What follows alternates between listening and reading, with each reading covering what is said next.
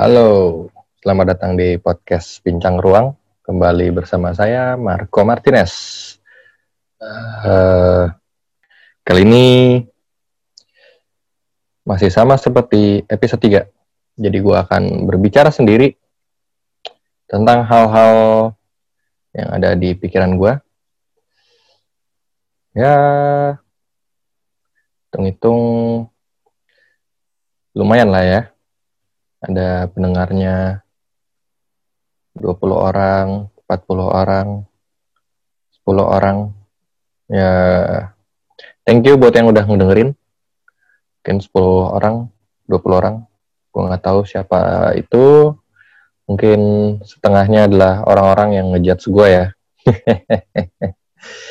uh, dan ya oke, okay. it's okay, nggak apa-apa gue di sini cuma mau sharing-sharing aja dan ya berbagi pikiran lah daripada berpikir sendiri lebih baik ada temannya yang bisa gue jadi teman cerita.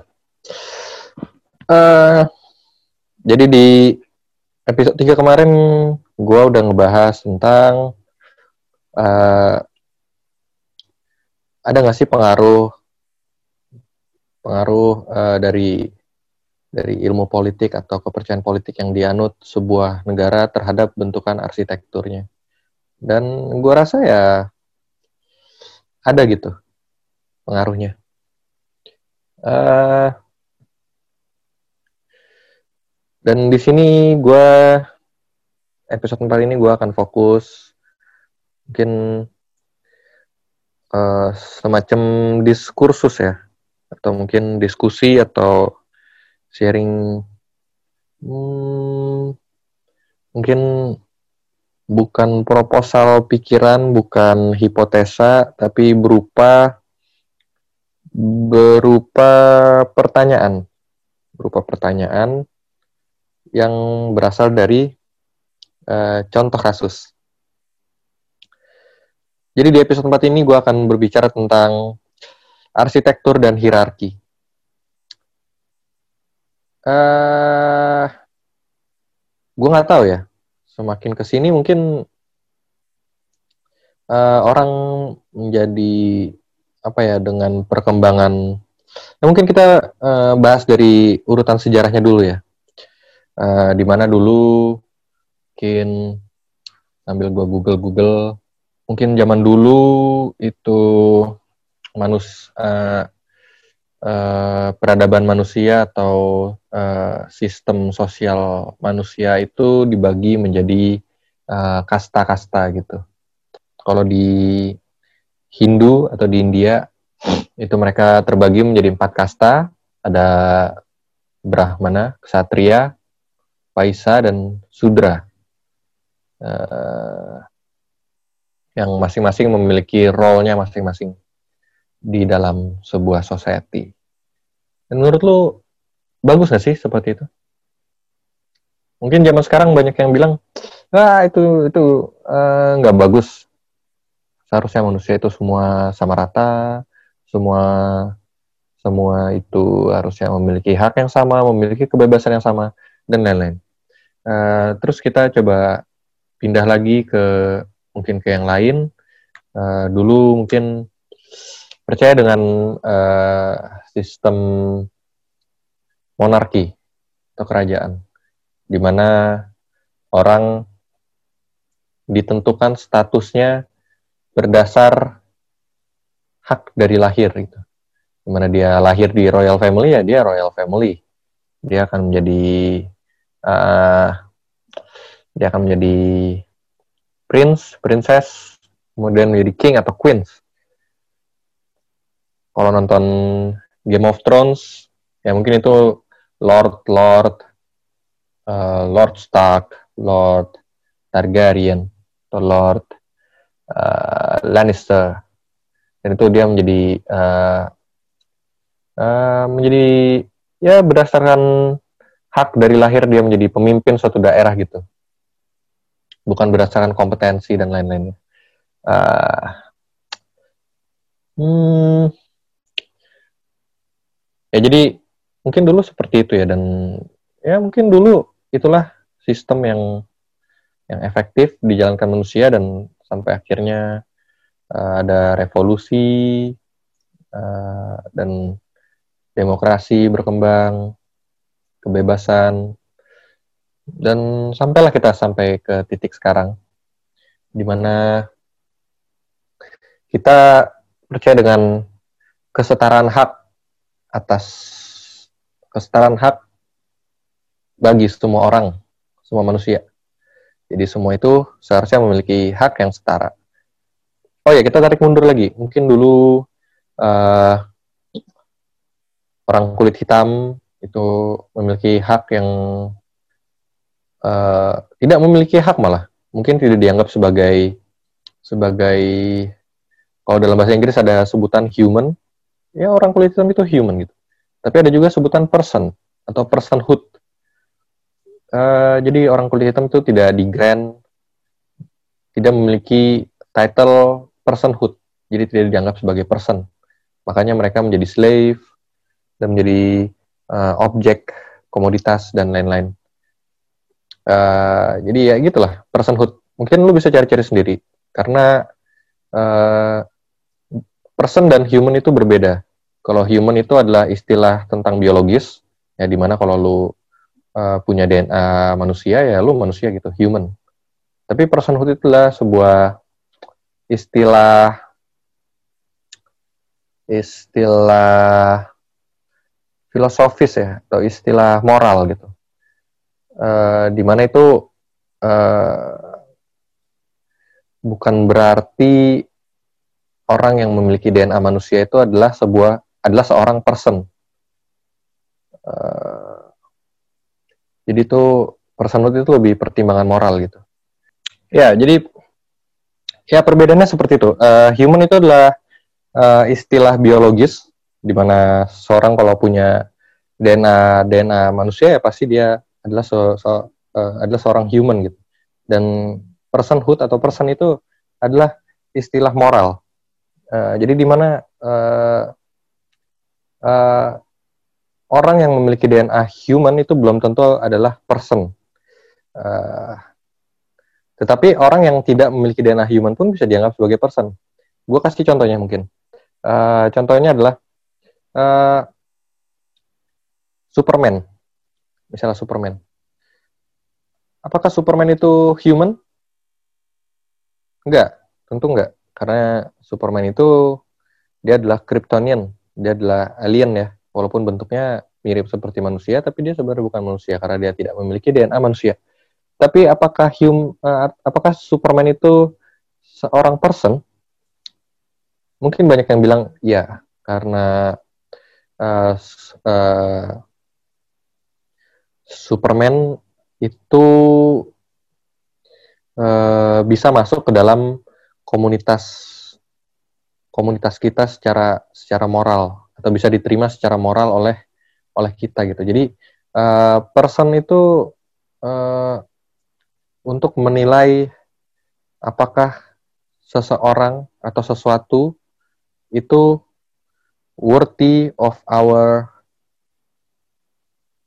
worthy of our moral um, moral uh, apa ya istilahnya Eh, pertimbangan moral kita. Apakah apakah seseorang atau sesuatu itu uh, cukup berharga untuk menjadi pertimbangan moral kita? Uh, ya jadi lu mengerti lah. Uh, kenapa gue bahas ini? Karena kaitannya dengan tadi uh, dengan kesetaraan hak dan lain-lain. Kayak tadi mungkin zaman dulu orang kulit hitam itu ya mereka human tentu saja. Tapi mereka tidak memiliki hak-hak seorang person. Karena mereka tidak dianggap sebagai person. Mereka adalah komoditas dan mereka menjadi budak dan lain-lain. Uh, ya mungkin kita juga berada di mungkin dulu saat kita dijajah orang-orang Indonesia uh, saat dijajah ya mungkin kita juga tidak dianggap sebagai seorang person walaupun kita adalah human. Kita adalah subject of subject uh, subject of VOC gitu ya. Uh, kita cuman budak-budak yang disuruh untuk kerja supaya VOC dapat untung gitu. Dan ya, jadi tidak memiliki hak yang setara gitu. Uh, dan kita tarik mundur lagi mungkin baru beberapa ratus tahun yang lalu perempuan itu tidak dianggap bukan tidak dianggap tapi memiliki derajat person yang berbeda atau memiliki uh, ukuran ukuran pertimbangan moral yang lebih rendah dibanding laki-laki.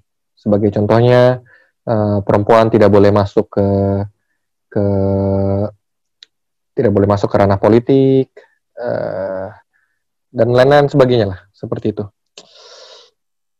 Dan sekarang uh, komunitas kita bergerak maju dan apa yang dianggap maju itu adalah kesetaraan hak dan semua orang itu sama dan sampai ke satu titik sampai mana sih itu eh, batas-batas itu bisa kita kita dorong gitu. Sampai sejauh mana kita bisa mendorong sebuah kesetaraan. Uh, eh, gue lihat trennya sam trennya tuh sekarang bahkan ada yang sampai radikal uh, menganggap uh, menganut kesetaraan secara radikal sampai di mana mereka tidak percaya lagi dengan hierarki. Nah, abolish, abolish hierarchy. Hilangkan hierarki, karena hierarki itu adalah sesuatu yang tidak baik. Semua orang harus sama, setara, uh, equality. Uh, dan ya begitulah. Jadi mereka tidak percaya hierarki dan hierarki dianggap adalah sesuatu yang negatif dan tidak diperlukan oleh society kita. Hmm, ini mau gue kait-kaitin sebenarnya dengan arsitektur gitu.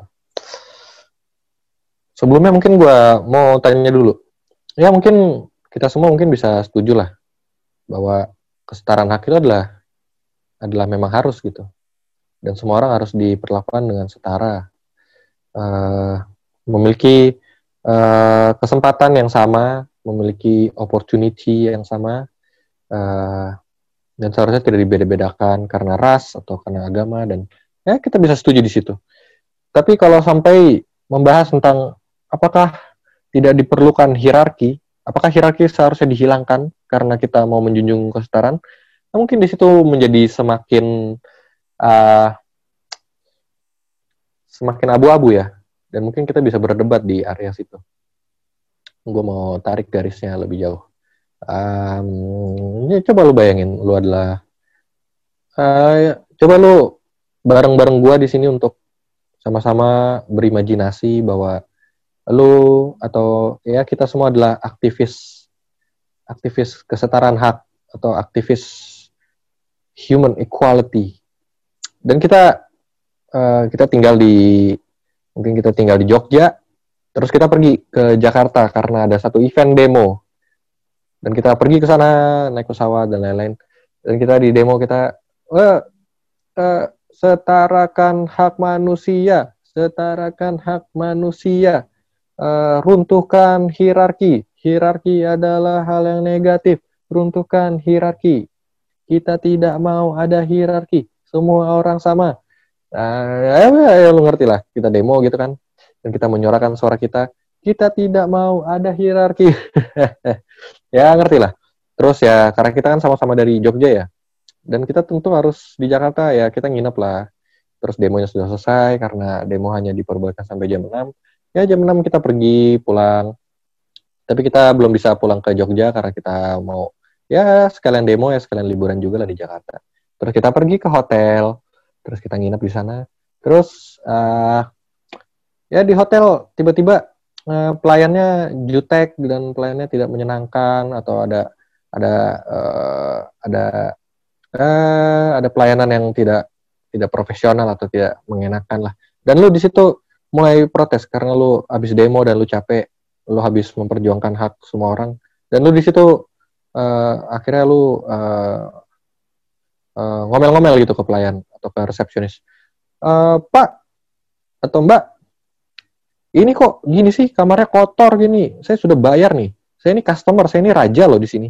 Uh, lu lu ngerti kan? Lu mulai ngerti ya? Kayak jadi uh, ya barusan lu teriak-teriak kayak teriak-teriak tentang kesetaraan hak dan semua orang harusnya sama dan lu tiba-tiba lu pergi ke hotel dan dan lu merasa karena lu customer di sana dan lu bayar lu merasa menjadi raja di sana dan uh, mbak-mbak resepsionis atau pelayannya itu ya atau apa namanya ya OB dan lain-lain itu lo anggap sebagai derajatnya lebih rendah dibanding lu dan lu adalah raja dan ratu di situ. Eh, itu kan bentuk hierarki. Aduh. Uh, lucu sekali. Uh, terus kayak ya mungkin temen lu kayak loh tadi bukannya baru teriak-teriak kesetaraan hak kok? Sekarang lu ngomong kalau lu raja gitu. Terus temen lu eh tapi kan beda di sini kan kita bayar dan lain-lain. Kita adalah raja di sini kita adalah customer. Ya, tapi kan nggak bisa gitu. Semua orang harusnya sama dan tidak boleh dibeda-bedakan. Kesetaraan hak equality. Ah udah lalu di aja lu nggak ngerti apa apa ya mungkin bakal gitu ya. Terus coba kita tarik hmm, kita tarik lagi Nah, kira yaudah, yaudahlah, shut the fuck up, just zip it, zip, zip it, just, just shut, shut up, shut up, you don't know anything.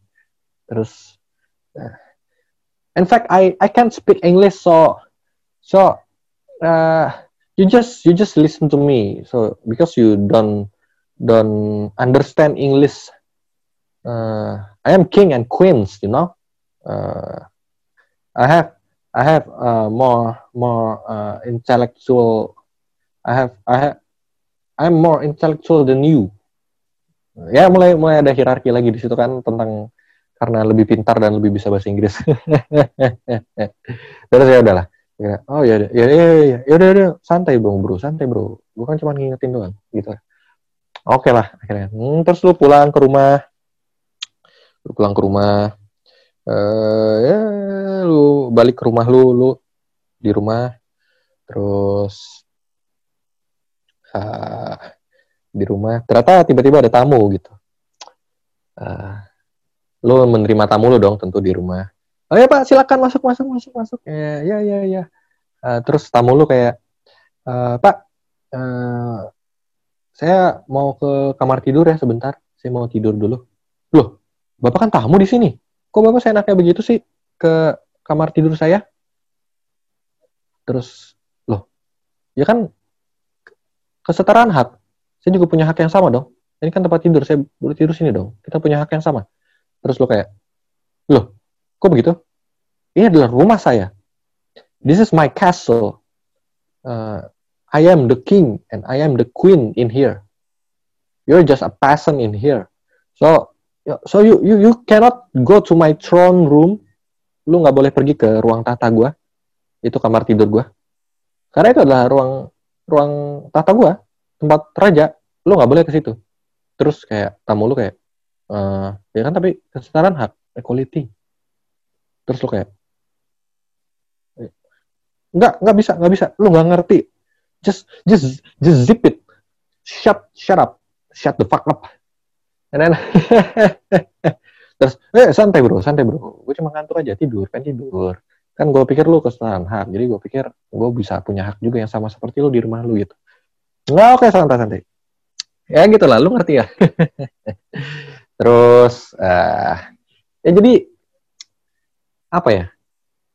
Apakah lu benar-benar percaya bahwa hierarki itu dapat dihilangkan 100%? gua gua nggak percaya itu. Uh, tentang kita punya hak yang setara atau dan mungkin uh, apa ya uh, equality of opportunity. Itu mungkin semua orang juga setuju. Bahkan uh, anggap aja lu adalah orang yang jahat. Lu jahat. Lu jahat banget. Lu lu pokoknya pikiran lu cuma duit dan mencari keuntungan yang paling banyak. Lu jahat seperti itu kan lu nggak mikirin orang lain bahkan orang yang seperti itu sekalipun pasti akan setuju dengan equality of opportunity kesetaraan kesempatan karena apa karena semakin banyak orang yang punya kesempatan semakin banyak yang bisa lu exploit. Ngerti ya? Uh, ya lu, misalnya lu pengusaha, lu adalah kapitalis. Ya, kapitalis kan nggak peduli dengan orang lain ya, yang penting untung dan mendapatkan keuntungan sebesar-besarnya. Karena lu adalah kapitalis. Dengan semua orang memiliki kesempatan yang sama, uh, workforce itu menjadi lebih banyak. Supply-nya menjadi lebih banyak. Supply supply pekerja, supply labor. Di mana ketika supply labor semakin gede, tentu harga harga pekerja itu lebih murah dan itu menguntungkan lu sebagai kapitalis. Tentu kapitalis akan mendukung kesetaraan of opportunity. Jadi gue rasa ya mau orang seperti apa pun pasti akan setuju dengan equality of opportunity karena semua orang yang yang waras tentu atau lu mungkin pragmatis atau lu adalah orang yang yang uh, ya tadi mencari keuntungan sekalipun atau lu adalah orang yang egois sekalipun lu tentu ingin mendukung equality of opportunity karena karena itu akan menguntungkan kita semua karena lu mau mengeksploit sebanyak mungkin tangan yang bisa lu pekerjakan. Mengerti ya? Jadi di mana ada equality of opportunity tentu semakin banyak tangan yang bisa lu gunakan, lu lu pekerjakan dan harga menjadi lebih murah ya tentu akan menguntungkan lu. Tentu semua akan uh, akan mendukung equality of opportunity. Tapi kalau menghilangkan hierarki, hmm, ya mungkin kita bisa berdebat di sana bahkan orang yang demo-demo sekalipun tentang kesetaraan hak dan itu ya gue rasa itu juga di hidupnya tentu uh, tentu ada hierarki dalam hidupnya uh, mungkin sebelum masuk ke arsitektur gue akan masuk dulu ke ranah personal dulu dan gue akan membuktikan bahwa sebenarnya ada hierarki gitu di balik di balik orang-orang yang berdemo tentang kesetaraan hak dan berdemo tentang uh, menghilangkan hierarki. Contohnya adalah begini. Balik lagi ke awal cerita. Jadi tadi kan dia dari Jogja dan dia pergi ke Jakarta untuk berdemo dan menyuarakan menyuarakan menyuarakan uh, apa yang dianggap benar. Itu adalah bukti dengan sendirinya bahwa di dalam pemikirannya dia dia memiliki struktur hierarki. Struktur hierarki dalam pemikiran. Lu ngerti maksud gue? Ya dia kan bisa aja punya kepentingan yang lain, mungkin punya keluarga atau mungkin punya pekerjaan. Tapi karena dia memiliki hierarki dalam pemikirannya, dia menganggap ada yang lebih penting, ada yang tidak penting, ada yang kurang penting, dan ada, ada hierarkinya dari atas seperti piramid. Ya tentu dia merasa, ya gue ini hierarki yang paling atas adalah gue mau berdemo terlebih dahulu untuk menyuarakan ini. Ya itu adalah bentuk hierarki dalam pemikiran. Jadi gue rasa bullshit lah kalau mau menghilangkan hierarki gitu. Karena dalam pemikirannya sendiri pun juga sudah memiliki hierarki. Dan tidak mungkin tidak ada hierarki. Semuanya sama. Bisa. Nggak tahu. Gue rasa kesetaraan itu hanya bisa ditarik sampai sejauh ada batasnya. Dan ketika sudah melewati batas itu udah too much gitu kesetaraan itu. Tetap harus ada hierarki. Dan balik lagi ke tadi, ke arsitektur. Lu lu rasa lu bisa menghilangkan hierarki dalam arsitektur? Semuanya sama. Gue rasa enggak. Balik lagi kayak tadi ke hotel. Kayak di hotel aja, itu dipisah antara pekerja, karyawan, antara logistik yang mengantar, loading unloading, dan antara pengunjung, di mana pengunjung memang adalah raja di situ. Raja dan ratu ya. Uh, lo bisa lihat tempat raja itu ya di lobinya, resepsionis, bagus-bagus, pakai marmer, lampunya bagus, mahal-mahal, indah, seperti ruang tahta raja. Tapi area karyawan atau area logistik yang ngantar-ngantar barang, supply, itu pasti ya seadanya aja servis area-area eh, dan mungkin tidak boleh terlihat oleh raja gitu diumpat lu lu kalau ke hotel pasti lu nggak bakal lihat ada orang-orang nganter atau orang-orang karyawan yang kotor-kotor dan melakukan melakukan uh, kegiatan servis. Ya lu bayangin lah kalau kesetaraan hak dan itu ditarik sampai sejauh mana dan sampai semaksimal mungkin. Dan lu bisa lu datang ke hotel dan di situ di sebelah lu lu lagi di resepsionis dan lu lagi santai-santai lu bayar 2 juta satu malam. Dan di sebelah lu ada orang sedang uh, mencuci uh, mencuci baju mencuci laundry penghuni. Terus ada orang yang lagi melakukan pekerjaan kotor uh, mengantar-ngantar barang atau membuang-buang sampah di sana mengatur sampah sampah-sampah bekas bekas hotel uh, uh, karena semuanya setara dan semuanya harus sama uh, di satu tempat uh, lu bisa bayangin lah. Bahkan itu pun ada hierarkinya bahwa pengunjung itu lebih utama dan yang lain itu tidak boleh terlihat karena itu hierarkinya di bawah. Uh, lebih uh, bukannya tidak penting tapi itu penting tapi mungkin uh, prioritasnya prioritas untuk untuk dipuaskannya lebih sedikit uh, lebih baik memuaskan konsumen terlebih dahulu. Uh, jadi lebih baik tidak terlihat dan lain-lain. Lalu kita tarik lagi lah. Uh, itu berlaku di semua area komersil ya bukan cuma hotel. Uh, di restoran atau di mana ya lu pasti nggak bakal lihat area-area servis area servis yang kotor-kotor pasti lu nggak lihat lah. Karena lu di situ rajanya dan di situ ada hierarkinya. Karena lu yang bayar dan ya lu di situ adalah raja. Ya mengerti lah. uh, kita tarik lagi ke rumah yang tadi. Ada orang bertamu. di rumah pasti ada hierarkinya juga, hierarki secara ruangan, secara sirkulasi, secara zoning yang kita kenal dengan public, public, semi semi public, semi private dan private. Di mana private itu adalah tempat yang paling tinggi hierarkinya dan tidak boleh ada orang lain masuk, itu hanya boleh raja yang masuk. Tempat yang sangat spiritual, tempat yang sangat hmm, dipuja-puja, tempat yang sangat orang suci yang hanya boleh masuk. Ya, ya, ya sedikit metafora ya, lu pasti ngerti lah. Uh, jadi ada tempat yang paling intimate di situ ya, private. Ya, yang di mana kalau di rumah ya itu pasti tempat tidur lo gitu. Hmm, di mana lo melakukan melakukan hal-hal yang spiritual lah di sana. Uh, iya, iya gue bilang spiritual karena uh, itu adalah hubungan yang paling intimate dan itu adalah hubungan yang spiritual dan kegiatan uh, itu kegiatan intimate dengan pasangan dan mungkin orang terdekat di dalam tempat tidur uh, yang sangat private dan tidak boleh terlihat orang uh, tempat king and queen dan itu adalah tempat lu bermeditasi tanpa diganggu orang lain karena setiap kali lu mau tidur lu harus bermeditasi dan supaya lu harus tidur dan lu akhirnya bisa tertidur karena lu bermeditasi dengan pikiran lu sendiri.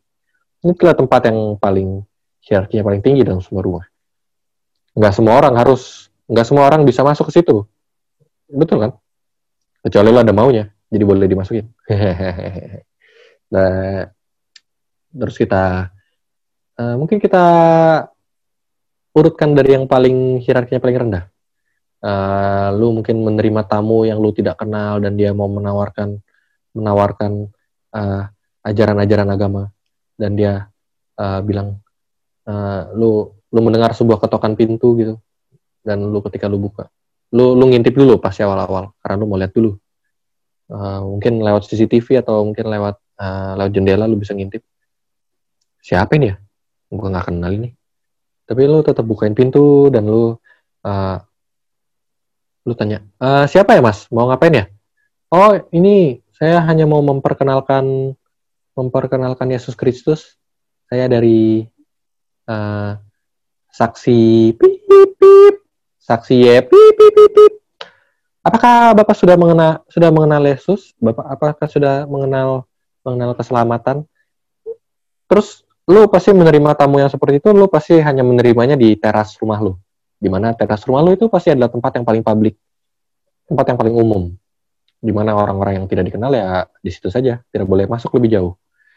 Uh, oh iya Pak, iya Pak, terima kasih Pak, terima kasih. Uh, saya tidak tertarik, saya sudah saya sudah punya uh, keyakinan saya sendiri, saya tidak tertarik. Terima kasih ya Pak. Terima kasih, terima kasih Pak.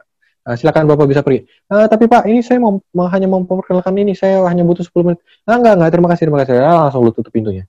Blok, uh, lu tinggal di teras. Uh, ya itulah publik. Tidak semua, uh, ya semua orang bisa mungkin bisa nyampe situ.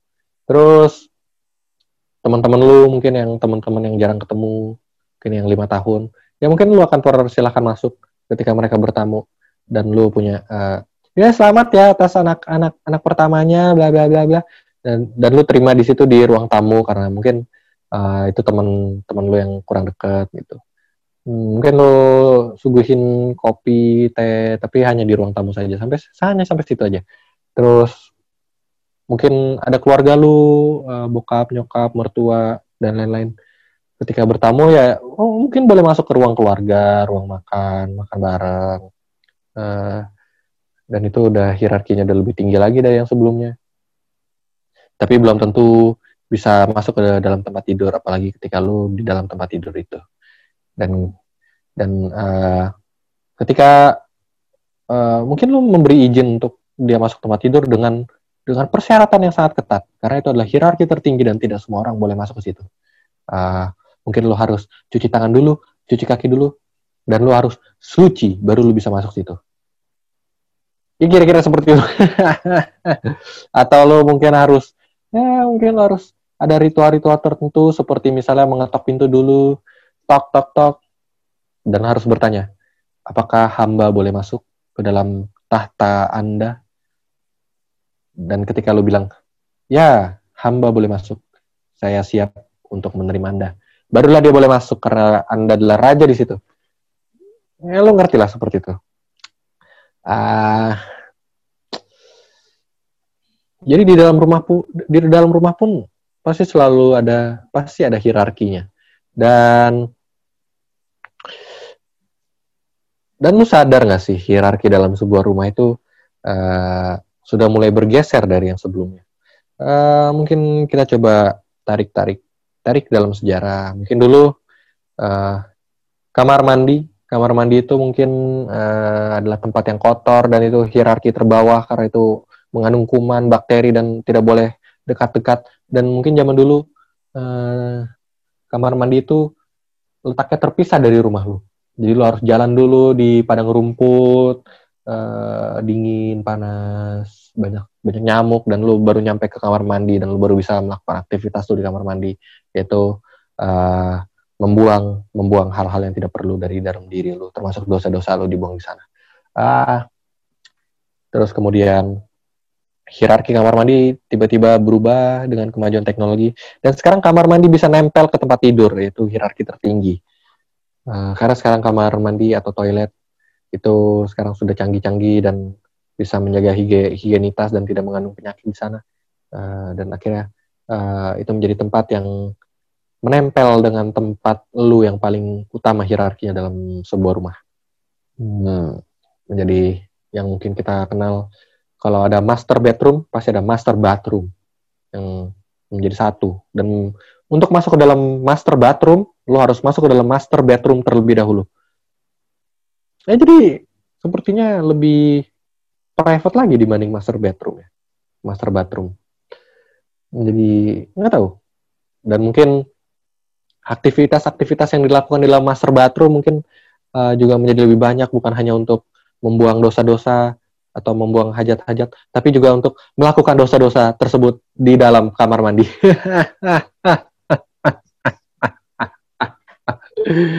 ya, lu ngerti lah ya maksudnya. Uh, gue kadang-kadang penasaran sih.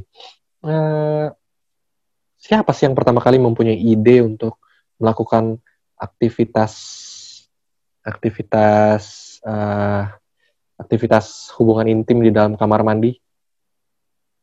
Lu kebayang nggak? Ya mungkin karena itu menempel di tempat tidur lu dan ya lu bereksplorasi menjadi di kamar mandi.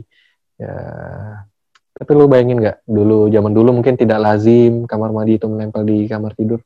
Dan lu bayangin nggak siapa sih orang pertama yang memiliki ide untuk melakukan hubungan intim di dalam kamar mandi? Siapa ya? Nah, mungkin aneh ya. Hah? Di kamar mandi? terus lu cerita kata uh, cerita uh, cerita sambil bisik-bisik ya uh, itu lu coba lu coba lu coba lakuin di dalam kamar mandi deh ya, lu cobain deh apa ngelakuin apa itu itu itulah itu coba deh enak loh dan akhirnya itu menjadi tren dan masuk TV dan apa. Nah gue nggak tahu dan. Akhirnya menjadi menjadi hal yang hal yang yang dapat diterima secara umum. Uh, itu hierarki kamar mandi. Dan mungkin lu kepikiran juga gak sih? Tadi kan gue sempat sempat bilang juga uh, uh, gender ya masalah gender. Dan ini mungkin masalah yang sensitif mungkin zaman dulu atau mungkin di zaman sekarang pun yang masih tradisional itu juga uh, istri itu tempatnya di di kitchen. My wife, uh, wife is must in kitchen. Jadi istri itu tempatnya di di uh, dapur dan dan eh, seperti itu. Nah, jadi dapur itu tempatnya itu tidak terlihat dari ruang uh, dari ruang makan dan terpisah dan itu menjadi uh, tempat servis ya, tempat yang kotor ya, apa ya dapur ya, lu masak terasi, lu masak apa dan dan itu ada ada jamur-jamurnya di sebelah di sebelah kompor karena ya begitu lalu masak-masak dan akhirnya kan jadi jamur dan jadi ada ada bercak-bercak hitam-hitamnya karena bekas kompor yang panas. Nah, lu ngerti lah dan menjadi kotor. Itu menjadi area yang servis dan itu seharusnya tidak terlihat dari tempat makan lo, di mana tempat makan lo itu adalah tempat yang yang sorry adalah tempat yang yang bagus dan lu tidak boleh terlihat dapur di situ. Dan seorang istri adalah harusnya di dapur. Kamu kamu tempatnya di dapur kamu masak dan kamu harus melayani tamu-tamu saya. Saya adalah suami dan saya adalah uh, pemimpin di keluarga ini begitu. Dan kemudian uh, gender equality semakin dijunjung tinggi dan uh, uh, laki-laki dan perempuan mungkin menjadi lebih setara zaman sekarang dan akhirnya itu jadi gue nggak tahu ada hubungan atau tidak tapi menjadi akhirnya dapur itu menjadi bukan lagi tempat yang servis di sebuah rumah dan akhirnya dibagi. Ada wet service dan ada dry uh, sorry ada wet kitchen dan ada dry kitchen wet kitchen itu bukan tempat istri istri nggak ke wet kitchen wet kitchen itu adalah tempat asisten rumah tangga atau pembantu dan itu hierarki lagi dah Ya, kamu hanya pembantu di sini. Saya adalah pemilik rumah ini, saya adalah raja di sini, kamu adalah pelayan. Dan itu pasti hierarki lagi. Dan itu adalah tempatnya di wet kitchen, asisten rumah tangga. Uh, dan istri atau mungkin sekarang karena sudah setara jadi suami juga, kalau mau masak itu di dry kitchen dan dry kitchen itu biasanya menjadi satu dengan ruang makan atau dining room lu. Dan itu uh, lu nggak lu kepikiran nggak sih? Apakah itu ada sangkut pautnya ya dengan dengan perkembangan perkembangan kesetaraan gender gitu? Atau perkembangan perkembangan society kita dalam memandang hierarki dan dan equality? Mungkin itu bisa aja menjadi studi ya. Bisa bisa di studi itu apakah ada hubungannya gitu uh, jadi sekarang itu bukan lagi menjadi tempat yang servis tapi itu menjadi sebuah bagian dari tahta tahta ruang makan lu yang indah itu dan megah itu. Dan tempat lu menerima tamu-tamu terdekat lu, keluarga lu makan bersama di sana. Dan di situlah ada wet, uh, ada dry kitchen atau pantry di situ. Masak-masak yang kecil-kecil lu bisa di sana. Atau raja atau ratu tidak boleh masak di wet kitchen, tapi lu masak di dry kitchen. Apakah ada hubungannya? Eh, gue nggak tahu. Mungkin ya seperti itu. Uh, kemudian ada perubahan shifting-shifting hierarki lagi. Uh, mungkin dulu ada ruang tamu, kemudian dari ruang tamu barulah masuk ke dalam ruang makan. Ada hierarkinya, jadi uh, ada teras. Teras adalah kasta terendah tamu saya. Kemudian dari ruang tamu. Ruang tamu adalah kasta nomor dua tamu saya. Kemudian adalah ada ruang makan. Ruang makan adalah kasta ketiga da, dari tamu saya ya kalau sudah dekat-dekat bolehlah kita berjamu bersama makan bersama saya undang makan bersama di dalam ruang makan saya ini adalah kasta nomor tiga dan kemudian baru setelah itu masuk ke dalam lagi itu adalah ruang keluarga. Ruang keluarga adalah kasta nomor empat ya. Tadi sudah tiga ya. Kasta keempat saya. Dan ruang keluarga itu ya seperti namanya keluarga, hanya boleh keluarga dan mungkin keluarga yang dekat. Kalau keluarga yang sudah lama tidak kontak dan tidak tahu diri mungkin tidak boleh ke sana. Dan itu ada hierarkinya juga. Mungkin zaman dulu seperti itu, ada ruang-ruang khusus, ruang tamu, ruang makan, ruang keluarga itu terpisah-terpisah. Dan sekarang uh, mungkin karena ada uh, pergantian hierarki uh, menjadi lebih equal, equal. Dan lu ketika masuk rumah dari teras, teras ya mungkin perlu ada fungsi ada fungsi-fungsi lainnya selain hierarki mungkin untuk menangkal hujan dan iklim dan lain-lain supaya air tidak masuk. Dan teras itu tetap ada. Tapi ketika lu masuk teras dan ada satu pintu, lu buka pintunya, itu langsung masuk ke dalam living room, dining room, dan dry kitchen menjadi satu menjadi satu ruang yang besar dan itu adalah adalah sebuah pernyataan tentang equality semua diterima dengan setara di dalam rumah lu tidak pandang bulu ketika lu sudah uh, memasuki uh, teras itu untuk kasta satu dan ketika lu sudah memasuki hierarki kasta kedua tidak ada kasta ketiga tidak ada kasta keempat tidak ada kasta kelima dan itu semua menjadi setara. Kasta 2 sampai 5 itu menjadi setara menjadi satu kasta. Ya begitulah. Dan lu bisa menikmati di situ ada living room dan dining room lu menjadi satu dan lu bisa uh, ya silakan anggap saja rumah sendiri. Lu, lu mau bikin kopi? Eh bikin aja kopi sendiri. Ada ada ada pantry di situ dan itu menjadi satu menjadi menjadi, menjadi satu. Nah gua nggak tahu ya mungkin bisa di bisa studi itu hubungan antara sosiologi mungkin ya uh, ilmu sosial atau sosial masyarakat dan hubungannya dengan uh, dengan arsitektur sebuah rumah hierarki sebuah rumah. Uh, tapi apa pun itu tetap ada batasnya. Tidak semua orang bisa masuk ke dalam uh, tempat tidur lu, di mana lu menyimpan barang-barang berharga dan memori-memori berharga dan hal-hal yang mungkin privat dan tidak boleh diketahui orang lain. Itu tidak tidak uh, mungkin tetap tidak boleh. Lu mau tarik lu mau tarik kesetaraan sampai sejauh mana? Gue rasa tetap harus ada tetap ada harus, harus ada hierarki gitu dan lu nggak bisa menarik kesetaraan sampai sejauh sejauh itu ya lu mengerti lah uh, dan ya itulah menurut gua uh, pemikiran-pemikiran gua yang merupakan merupakan uh, studi kasus ya studi kasus. Dan itu mungkin menjadi bahan yang menarik untuk diteliti apakah benar ada ada kaitannya. Tapi kalau gue secara personal gue menganggap gue setuju dengan kesetaraan akan kesempatan, equality of opportunity.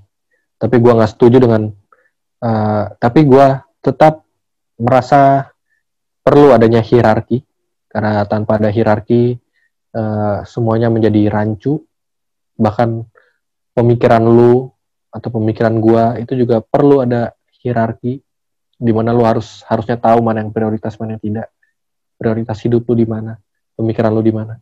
Dan dalam hidup lu juga harus lu harus memandang tentu harus ada prioritas dan ada hierarki. Ketika lu harus memilih pembantu atau asisten rumah tangga lu atau lu memilih istri lu, siapa yang lu pilih? Ya mungkin kalau lu menganggap hierarkinya adalah uh, asisten rumah tangga lu yang lebih seksi, ya mungkin lu memilih asisten rumah tangga lu. ya tapi kalau orang yang mungkin normal-normal dalam keadaan yang normal dan tanpa ada ada kasus tertentu ya tentu lu akan memilih istri lu atau anak lu atau keluarga lu terlebih dahulu baru asisten rumah tangga lu. Walaupun asisten rumah tangga lu juga penting juga penting juga dan lu dia sudah bekerja lima tahun. Atau asisten rumah tangga yang sudah bekerja lima tahun versus asisten rumah tangga yang baru bekerja satu bulan. Lu pilih yang mana? Kalau tidak ada hierarki di sana itu harusnya memiliki hak yang sama, walaupun dia baru satu bulan dan yang lainnya sudah lima tahun. Kalau tidak ada hierarki, ya lu mengerti lah maksud gue. Dan ya begitulah. Jadi menurut gue, gue percaya dengan dengan uh, dengan uh, dengan uh, apa ya istilah hukum hukum keseimbangan, hukum keseimbangan. Dan gue percaya uh, tentu harus ada yang seimbang ada masanya mungkin hierarki terlalu kuat dan kita harus mengurangi hierarki tersebut. Makanya kita harus mendukung kesetaraan. Tapi ada juga masanya di mana kesetaraan itu udah terlalu sudah terlalu vulgarize, sudah terlalu hmm, sudah terlalu over sudah terlalu over over apa ya ya sudah terlalu over lah dan sudah terlalu melewati batas dan kita tetap perlu ada hierarki gitu bahkan dalam arsitektur pun itu juga ada hierarki. Dan ada hierarki hierarki juga yang harus tetap dijaga. Karena kalau tidak kalau tidak seperti yang tadi udah gue ceritain lu kebayang gak sih? Kalau tidak ada hierarki. Atau lu nggak kebayang cuman gue aja. Ya mm, jadi begitulah. Dan mungkin di episode 4 ini gue hanya mau membicarakan itu. Arsitektur dan hierarki dan ini berupa diskusi dan ya mungkin lu punya pendapat yang berbeda. Ini gue justru sebenarnya bertanya dengan dengan studi kasus studi kasus yang ada yang ada di dalam pikiran gue bisa nggak sih hierarki itu dihilangkan secara total? Mungkin lo bisa bisa meninggalkan pendapat lo di komen.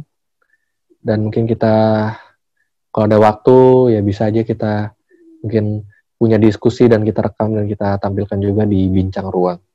Uh, ya walaupun penontonnya hanya 10, hanya 20, hanya 30, hanya ya paling banyak 40 di episode 1.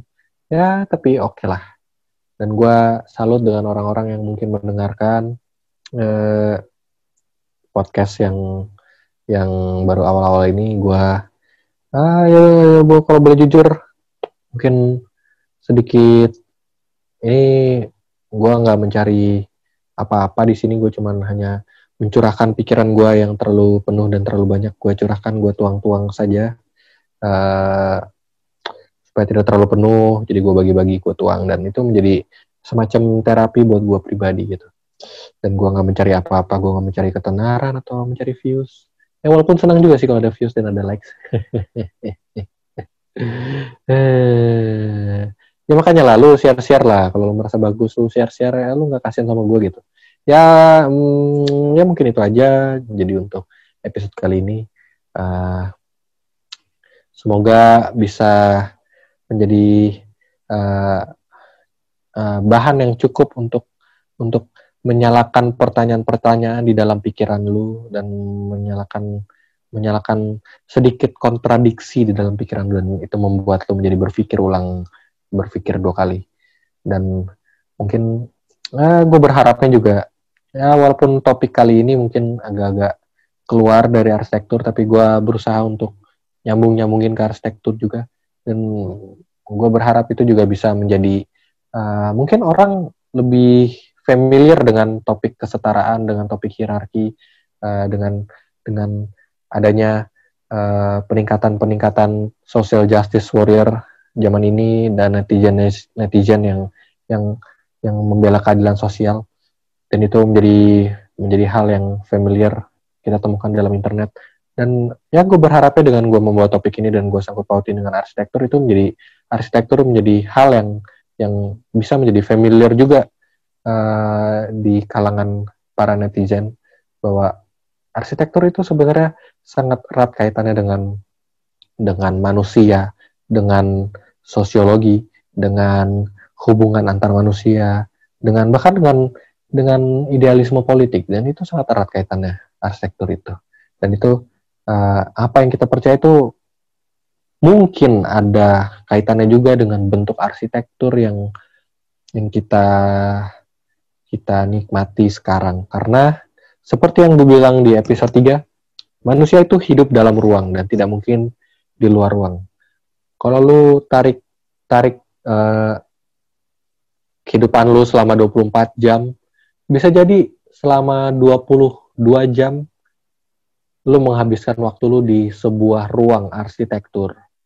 Lu tidur di kamar tidur lu, lu mengendarai kendaraan lu, kendaraan lu juga memiliki ruang, ada ruang publik, ada ruang private lu di dalam situ.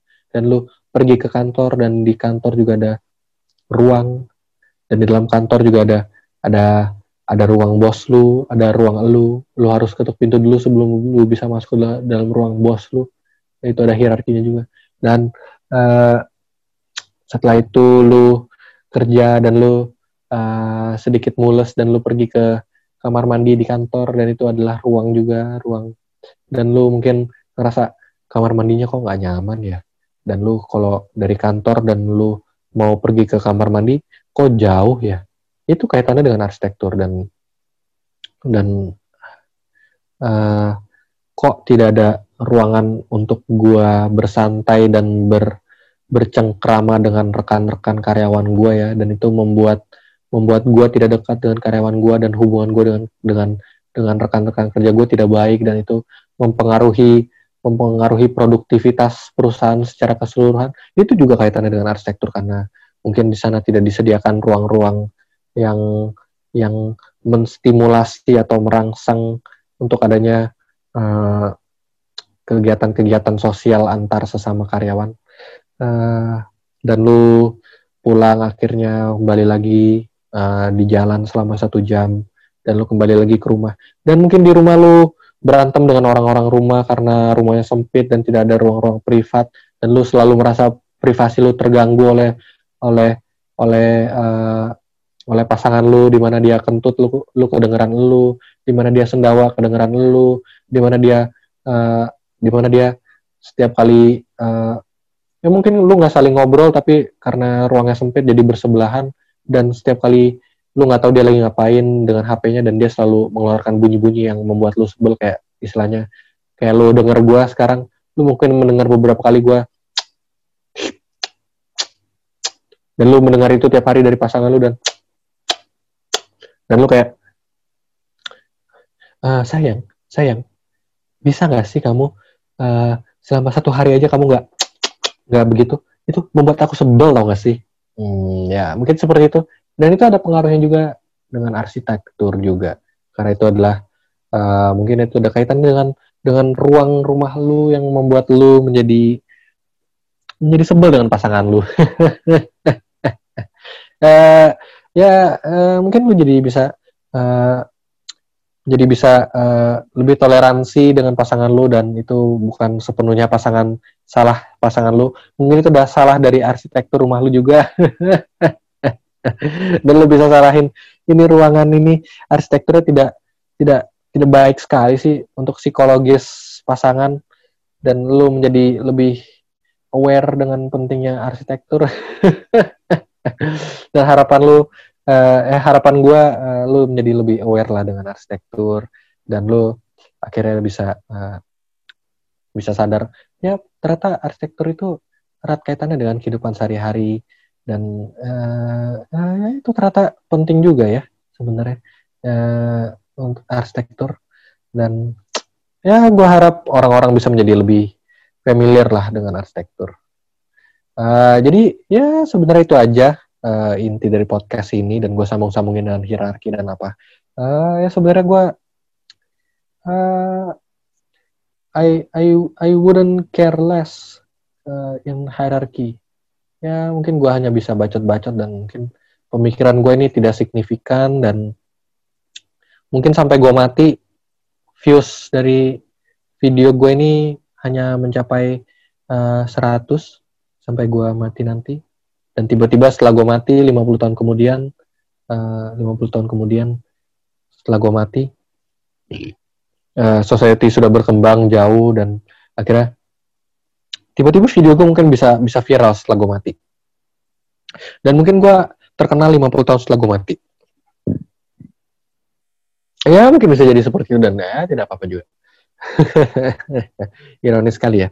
Uh, ya jadi uh, itu saja mungkin uh, semoga ini cukup menghibur dan bisa bisa menjadi uh, kalaupun tidak menghibur ini bisa menjadi sesuatu yang setidaknya tidak membuang-buang waktu lo ketika lo mendengar. Uh, ya itu aja harapan gue dan uh, terima kasih sudah mendengar sampai sejauh ini. Uh, mungkin dari 10 orang yang mendengar video gue sebelumnya, mungkin hanya mungkin hanya satu orang atau dua orang atau mungkin tidak ada yang mendengar secara full. ya, sedih sekali. Dan mungkin dari satu dua orang yang mendengar secara full itu, mungkin dia adalah uh, teman kuliah yang mungkin mau ngejudge gue. Ya gue nggak tahu juga lah. Uh, ya nggak tahu. Mungkin teman-teman kuliah gue baik-baik uh, dan tidak ada yang ngejudge. Ya kalau begitu ya gue bersyukur. Uh, terima kasih sekali udah mendengar dan kita akan jumpa di bincang ruang berikutnya. Terima kasih. Bye bye.